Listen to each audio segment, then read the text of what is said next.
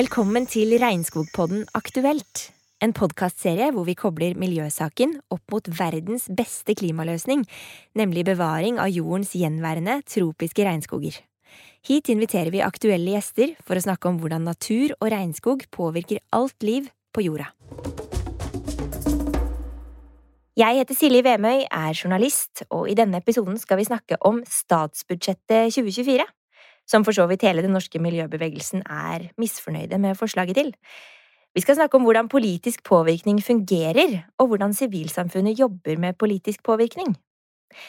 I dag så har vi med oss leder for miljøorganisasjonen Spire, Elise Åsnes. Hun er på Teams. Velkommen til deg.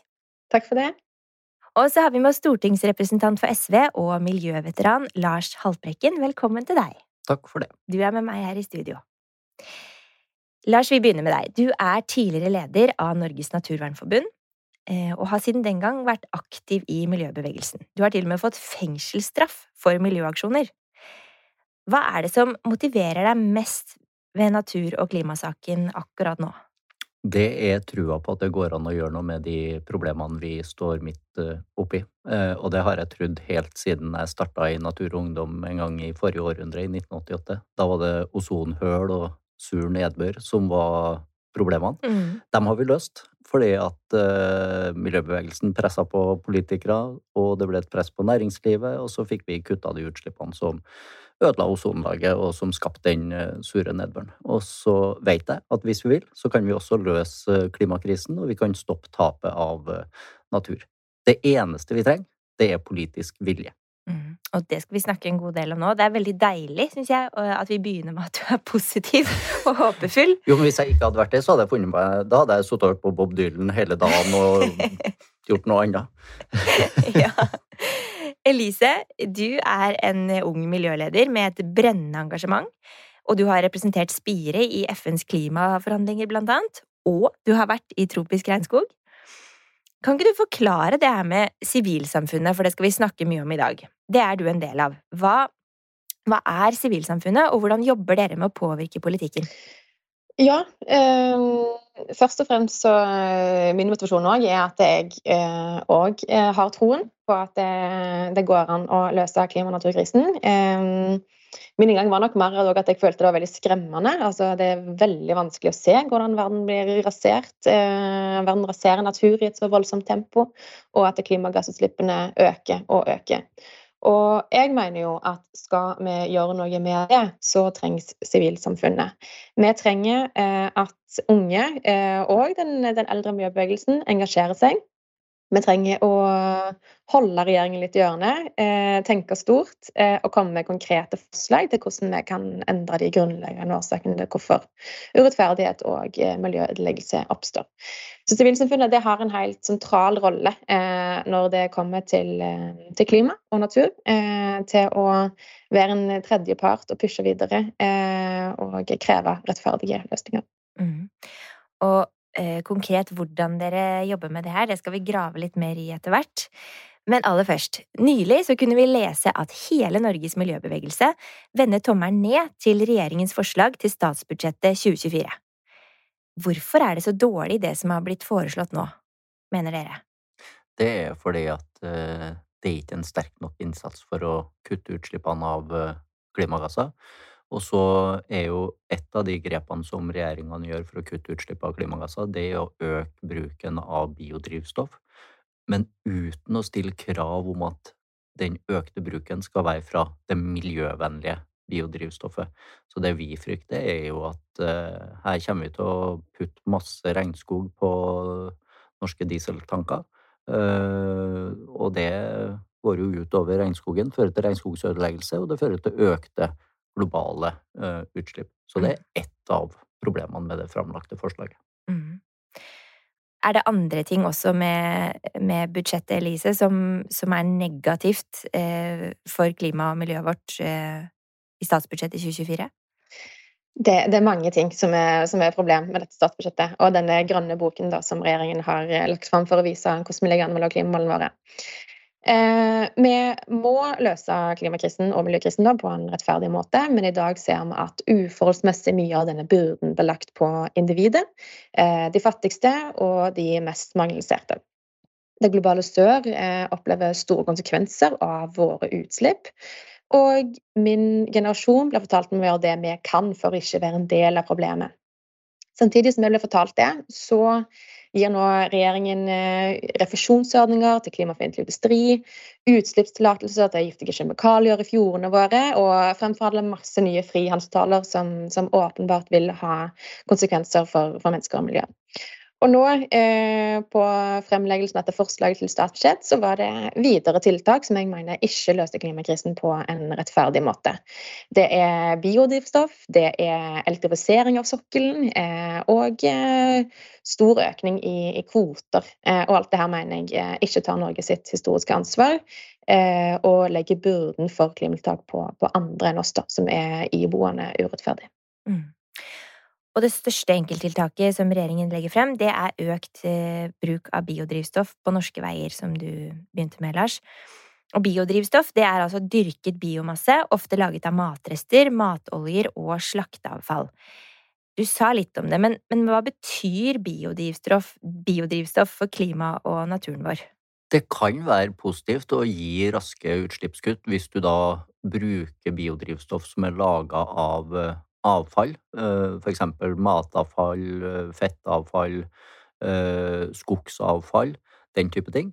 Men det kan også være skadelig dersom du tar områder som kunne vært brukt til matproduksjon, og i stedet dyrker drivstoff der. Eller hvis du da tar og produserer biodrivstoff basert på palmeolje fra regnskogen. Da ødelegger du Eh, klima i stedet for å kutte utslipp. Selv om det på det norske utslippsregnskapet kan se veldig pent ut, så ser det på det globale klimaregnskapet forferdelig dårlig ut. Og Derfor er det en av de tingene som SV kommer til å ta opp med regjeringa. For vi fikk jo egentlig en avtale med regjeringa i vår om å øke bruken av biodrivstoff, men det skulle da være uh, en økning i det miljøvennlige biodrivstoffet nettopp for å forhindre regnskogsødeleggelse. For at hvis vi går eh, ja, fem-seks år tilbake, så svømte jo øh, norsk klimapolitikk øh, formelig i øh, palmeolje. Mm. Og der er det jo blitt en endring. Og Regnskogfondet har hatt store kampanjer de siste årene for å få fjerna den palmeoljen fra matvarer og påskeegg, som vi sikkert husker veldig godt. Men hva er det med de matoljene som er så farlige, da? Altså, biodrivstoff, biodrivstoff på bensintanken, det bør jo være bra for miljøet. Altså, hvorfor kan vi ikke kan vi ikke bare eh, bruke biodrivstoff som faktisk ikke er miljøskadelig? Nei, og det er et godt spørsmål. Eh, grunnen til at eh, hvis, hvis, jeg skal ta på meg regjeringas hatt, da, eller prøve å forklare det sett med deres eh, øyne, eh, så tror jeg at eh, de frykter at det vil øke dieselprisene for mye. Eh, fordi at det miljøvennlige biodrivstoffet koster litt mer enn mm. Eh, det biodrivstoffet som ødelegger regnskogen. Eh, så det er nok deres forklaring på det. Men så har vi nå spurt regjeringa om ja, hvor mye blir pumpeprisen økt som en følge av dette. Og ok, hvis pumpeprisen øker, er det da andre ting vi kan gjøre for å sikre at uh, folk ikke kommer uh, At det blir forferdelig mye dyrere for dem med klimapolitikken. Vi opplever jo dyrtid, masse folk som sliter med regninger osv. Så, videre, så er det andre ting vi da kan redusere på for å kompensere folks økte utgifter. Men vi kan, vi kan jo ikke drive og fylle orangutanger og regnskogsødeleggelse på dieseltankene våre. Det kan vi ikke gjøre. Hva er problemet med palmeolje og matoljer? Budsjettforslaget om økt biodrivstoff kan føre til større behov for matoljer, som soya og palmeolje. Palmeoljeforbruket i verden nådde 76 millioner tonn i 2022, og det gjør palmeolje til den overlegent mest brukte vegetabilske oljen. Men hvorfor er biodrivstoff blitt en så viktig sak i årets budsjettforhandlinger, da? Det er nok fordi at det er en av de få tingene som gir raske utslippskutt. Eh, og vi vet jo at vi ligger forferdelig dårlig an til å nå de målene vi har satt oss for 2030. Eh, og så er det jo sånn at Eh, Elise snakka jo om at det legges opp til en veldig stor oljeproduksjon i eh, statsbudsjettet, og det er helt riktig, dessverre. Men sjøl om vi nå innfører full stans i all letevirksomhet, full stopp i alle nye tillatelser til olje- og gassvirksomhet, så gir ikke det noe utslippskutt neste år. Heller ikke året etter det. Det gir først gevinster om en 10-15 år, hvor vi da unngår de utslippene som ville ha kommet fra disse oljefeltene. Så for å få raske utslippskutt, som vi er avhengig av, eh, så har eh, biodrivstoff vært én del av svaret, men da må vi sikre at det er det miljøvennlige biodrivstoffet som faktisk kutter utslippene, og ikke det umiljøvennlige biodrivstoffet som øker utslippene. Er vi inne på en grønnvasking her, Lise? Hva mener du? Eh, norsk klimapolitikk er full av grønnvasking, det, det, er klokkeklart. Eh, det samme gjelder med, med biodrivstoff, altså. Eh, det er store problemer med miljøkonsekvensene, men også konsekvensene det har for matsikkerhet, måten man baserer klimapolitikk på biodrivstoff i dag. Det er veldig lite av dagens biodrivstoff som faktisk produseres i Norge, og det har store konsekvenser for, for det globale sør. da. Så det, det, er store problemer det. Eh, vi ser òg at det er store problemer med grønnvasking når det kommer til som vi var på i sted, elektrifisering av eh, sokkelen eh, og kvotekjøp. Norge, Norge flytter rundt på, på, utslipp og får det til å se bra ut, eh, midlertidig. Men klimakrisen den er global, og det tar ikke norsk klimapolitikk inn over seg i dag så må vi også selvfølgelig nevne at ikke vi har noen fra regjeringen her da, som kan svare på disse tingene. Så det blir jo veldig sånn ensidig eh, herfra. Men, men vi, vi, skal prøve å dra det opp på et nivå på hvordan man kan påvirke politikerne når man sitter utenifra, som dere to gjør på hver deres måte. Men Lars, eh, hvis vi snakker litt mer på, om biodrivstoff, da. Eh, er det ikke sånn at hvis alle feier for egen dør og rydder opp i eget land, blir ikke summen av det da en effektiv løsning for den globale klimakrisa vår. Ja, En kan jo ønske at det var sånn, men ikke nødvendigvis. For hvis det vi gjør her for å kutte våre utslipp, fører til en voldsom økning i utslippene i f.eks. Indonesia, så hjelper ikke så veldig mye. Så vi er nok eh, nødt til å tenke over hvordan vi kutter utslippene også, og at vi gjør det på en måte som faktisk bidrar til både utslippskutt her og uh, globalt. Elise, det her handler jo om Norges eh, solidaritet overfor våre medmennesker i fattigere deler av verden. Er det ikke det det gjør, egentlig?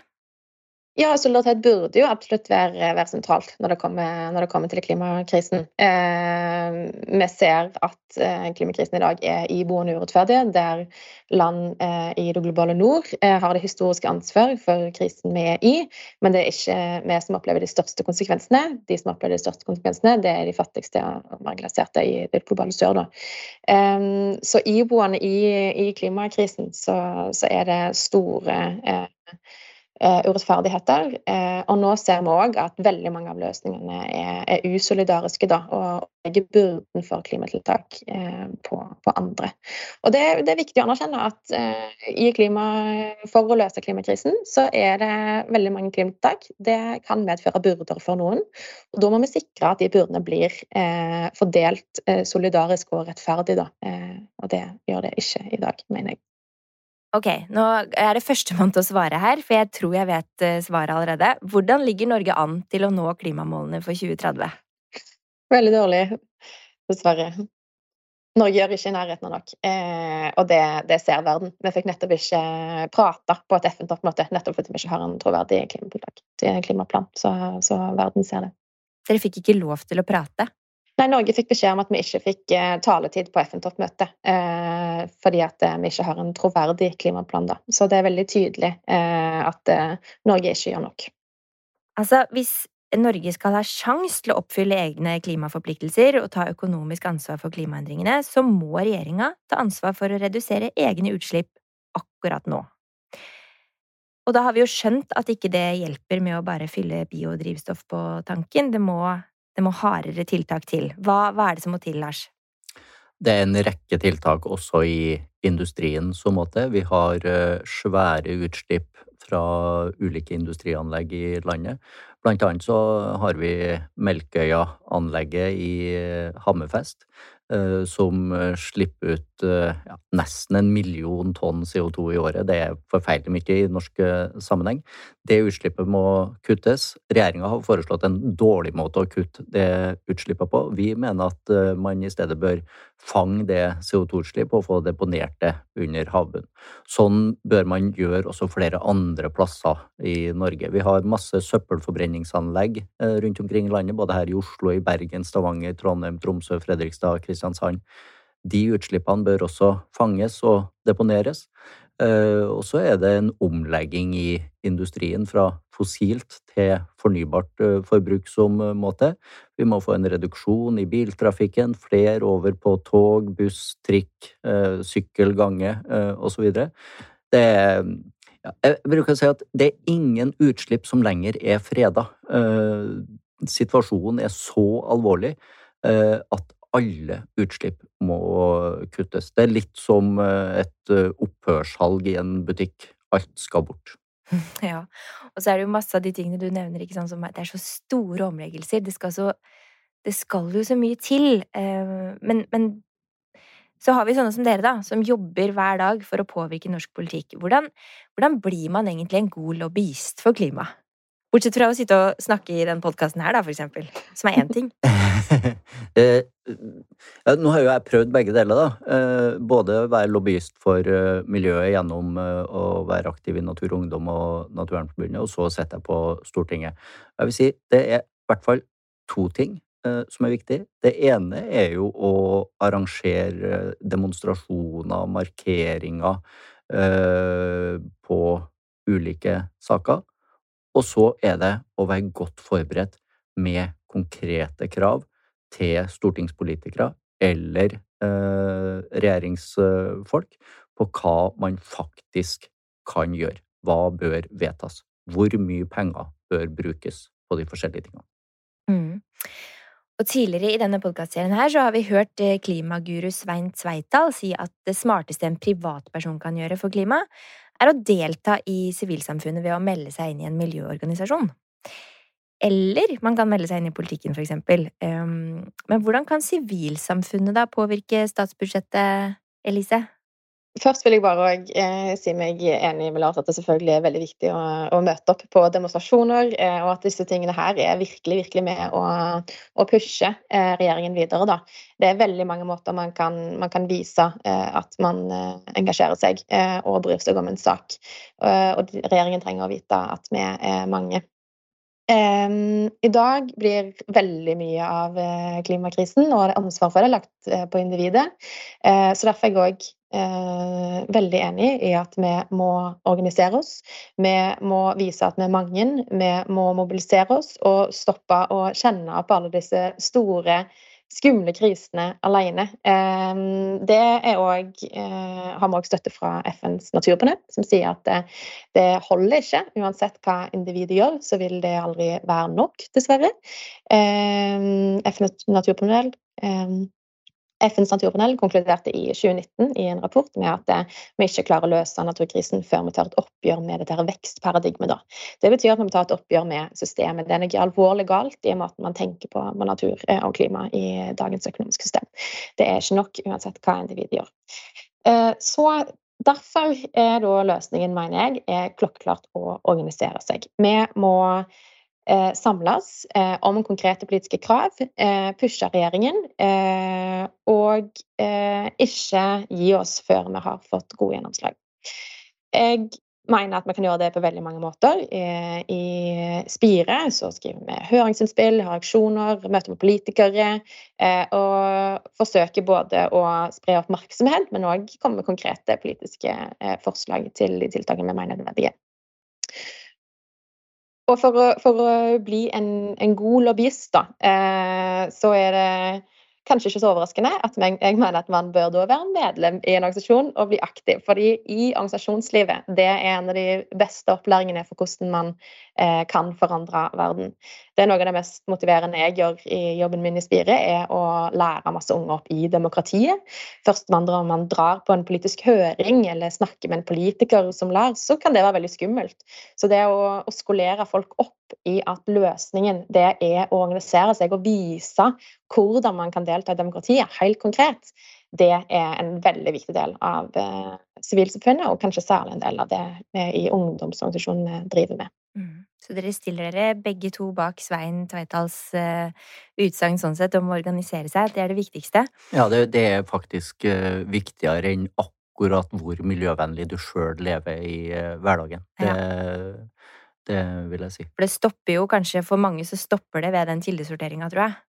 Ja, det kan godt være. Og det er kjempebra at folk gjør det. Og det gjør jeg jo sjøl hjemme også, men nettopp den organiseringa som Elise også snakker om, er viktig. Eh, hver Elise sa jo noe om at vi må redusere forbruket, og det er riktig. Men er det én ting vi ikke skal redusere forbruket av, så er det demokratiet. Vær en storforbruker av eh, demokrati. Overforbruk av demokrati. Kjempebra. Palmeoljeproduksjon er en av de viktigste årsakene til ødeleggelse av regnskog og torvmyr i Indonesia og Malaysia. Ødeleggelsene fører til enorme klimagassutslipp, tap av uerstattelig biologisk mangfold og at mennesker mister tilgang på landet og naturressursene de lever av. I tillegg er soya et råstoff som de senere årene har blitt brukt til biodrivstoff i Norge. Økt etterspørsel etter soya fører til omfattende avskoging i Sør-Amerika. Lars, SV spiller nå en nøkkelrolle i statsbudsjettforhandlingene og er derfor en slags magnet på sivilsamfunnet som er misfornøyde med statsbudsjettet. Hvordan bruker dere i SV denne muligheten og ansvaret som det er da, til å påvirke norsk klimapolitikk? Vi eh, prøver å bruke den på best måte. Eh, og vi har to hovedområder som er viktige for oss. Det ene er å få en rettferdig økonomisk fordeling eh, av ressursene i Norge, og også at Norge skal bidra eh, mer til det globale sør. Det andre er å få en kraftfull forsterkning av miljøinnsatsen. Og da er jo vi hele tida på jakt etter konkrete løsninger som kan settes i verk Eh, neste år, enten det da er å øke pengebruken på noen områder, f.eks. gi mer penger til energieffektivisering, mindre penger til oljeforskning, eh, mer penger til å fange CO2 og få lagra det, eh, mindre penger til økt Eh, tiltak som øker uh, oljeutvinninga. Så vi ser både på plusser og minuser i statsbudsjettet. Uh, og så jobber vi også med det som da på stortingsspråket kalles anmodningsvedtak eller verbalvedtak. Det er sånne vedtak hvor da Stortinget ber regjeringa om å gjøre et eller annet. Og der eh, er det jo da om å gjøre å få til vedtak som er eh, så konkret og forpliktende som mulig. For eksempel i eh, fjor var det vel at vi fikk gjennomslag for at regjeringa ikke skulle ha noen ny ordinær utlysning av blokka til olje- og gasselskapene i denne stortingsperioden som da varer fram til 2025. Stopp for det. Eh, og så har vi nå fått innspill fra eh, miljøorganisasjonene om at eh, man ønsker å få stoppa planene om gruvevirksomhet på havbunn. Man ønsker å få lagt stopp på all ny oljeutvinning. Det er også ting som vi kommer til å foreslå, og som vi jobber med. Mm, der kommer organisasjonsarbeidet inn. Elise, jeg lurer på hvilken reell makt har sivilsamfunnet i norsk politikk? Jeg tror vi har en del makt, jeg, altså. Eh, det har vi. Eh, man ser nå, når regjeringen legger fram en eh, klimaplan som åpenbart ikke er rettferdig, så blir det veldig tydelig. Jeg tror det er veldig få nå som har et inntrykk av at Norge gjør nok for klimaet. Eh, vi har mye makt, definisjonsmakt, eh, men òg kan komme med konkrete innspill. Selvfølgelig eh, skulle vi jo veldig gjerne ønske at eh, sin politikk ble vedtatt på Stortinget. Det hadde vært eh, drømmen, det. Eh, det er ikke alltid tilfellet. Men vi har, vi har, relativt mye makt, altså. Eh, Samla så får man mye mer makt enn når man står alene. og jeg opplever at våre innspill blir tatt på alvor. Jeg bare legge til deg, for at eh, tidlig i sommer, helt i starten av august, så var jeg oppe i Lofoten, i Kabelvåg, eh, og der feira vi at eh, Folkeaksjonen for et oljefritt Lofoten og Vesterålen og Senja ble lagt ned fordi at man hadde vunnet den kampen. Eh, og det var ikke på grunn av at stortingsflertallet plutselig kom på at det var dumt å drive med oljeutvinning utafor eh, det som er våre mest fiskerike områder.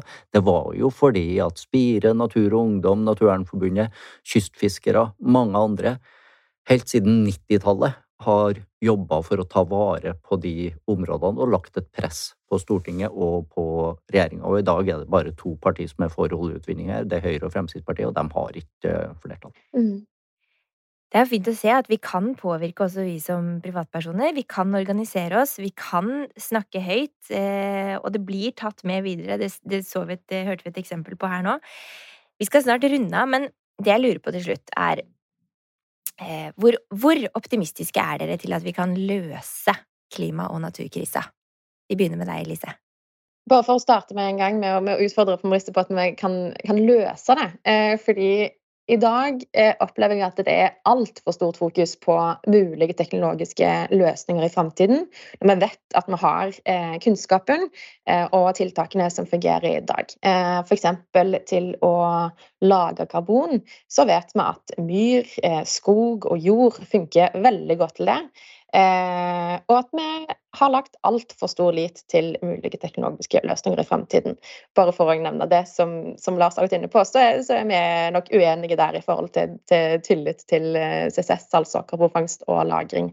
Eh, jeg mener at, eh, og Spire mener at I dag er det en altfor stor optimisme og tillit til hvor stort og bra CCS skal bli, og det er altfor mye knytta til oljeindustrien. Vi ser at det narrativet rundt karbonfangst og -lagring det gjør at regjeringen bruker det for å fortsette olje- og gasseventyret, som de da definerer det som.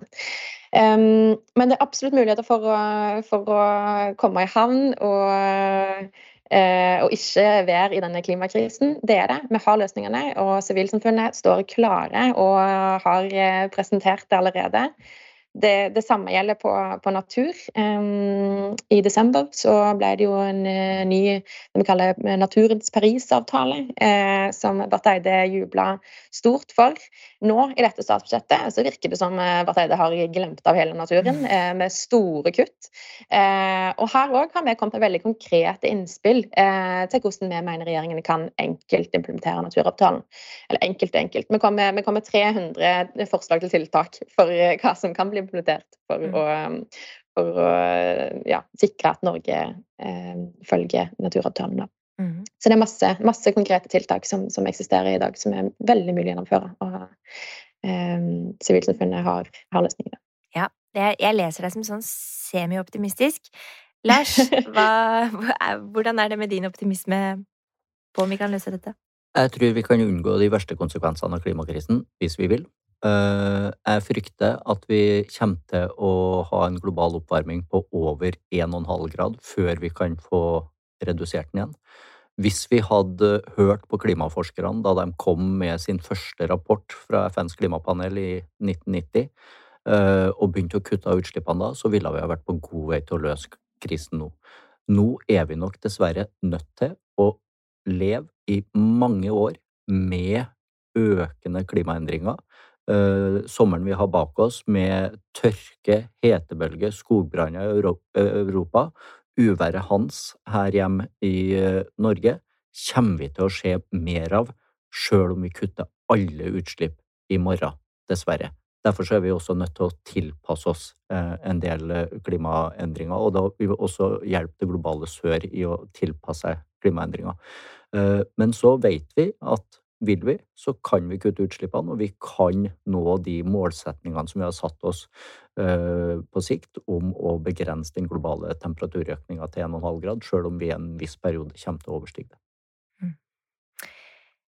Vi skal bare eh, få lov å drømme litt helt til slutt. Hvordan ser en verden ut for dere der, der klima- og naturkrisa ikke lenger er et problem? Vi har løst det. Hvordan ser det ut da?